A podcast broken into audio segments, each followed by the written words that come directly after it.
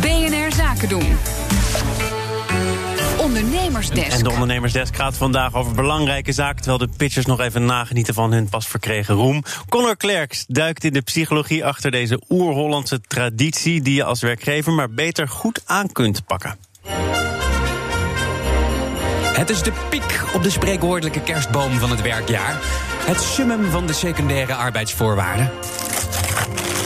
Komt u aan het kerstpakket, dan komt u aan Nederland.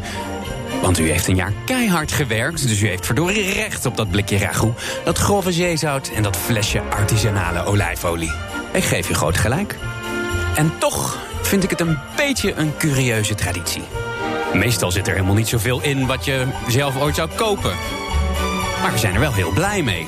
Ik ook.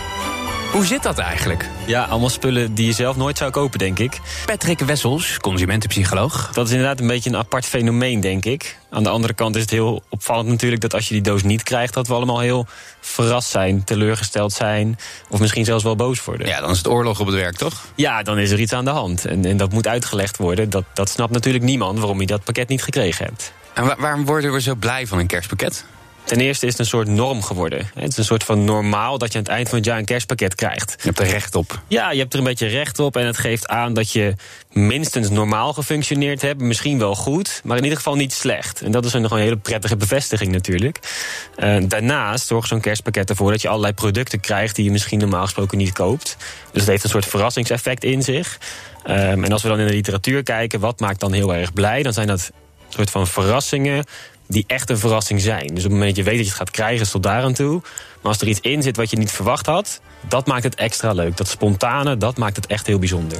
Zouden mensen niet gewoon eh, gelukkiger zijn met, eh, weet ik veel, gewoon 50 euro eh, hier in het handje? Ja, nou, dat, dat is wel grappig. Dat, ehm, je kunt inderdaad op twee manieren zo'n cadeau geven. Je kunt zeggen, hier heb je 50 euro, ga er zelf iets leuks van kopen. Als je het mensen vraagt, wat wil je liever hebben... dan geven ze aan, doe mij die 50 euro. Dan kan ik zelf wat kopen en daar word ik hartstikke blij van.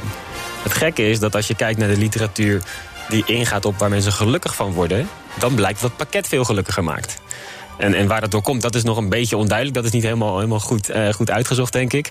Ehm, maar het zorgt er in ieder geval voor dat je producten krijgt... ehm, waardoor je een soort van verrast kunt worden... in plaats van geld, wat uiteindelijk ook maar geld is. Ehm, dus in die zin, als werkgever kun je beter mensen toch een pakket geven... ondanks dat ze je zullen aangeven dat ze liever geld hebben. Als je het echt goed wil doen, dan kun je ze beter verrassen met zo'n kerstpakket. En eh, is er nog een overtreffende trap? Ja, absoluut. Op het moment dat je het helemaal goed wil doen, dan moet je ervoor zorgen dat je niet zomaar zelf dat kerstpakket uitdeelt, maar dat je je medewerkers onderling elkaar laat verrassen. Dus vraag aan de ene medewerker om voor de andere medewerker een leuk cadeau samen te stellen. Dan creëer je eigenlijk het meest maximale geluk op de werkvloer. Dit was een eh, bijdrage van Conor Klerks. Wil je nou meer horen uit de Ondernemersdesk? Dan vind je alle afleveringen terug als podcast via onze site of de BNR-app. Ondernemersdesk Werkgeluk wordt mede mogelijk gemaakt door Effectory. Effectory. Listen, learn, lead.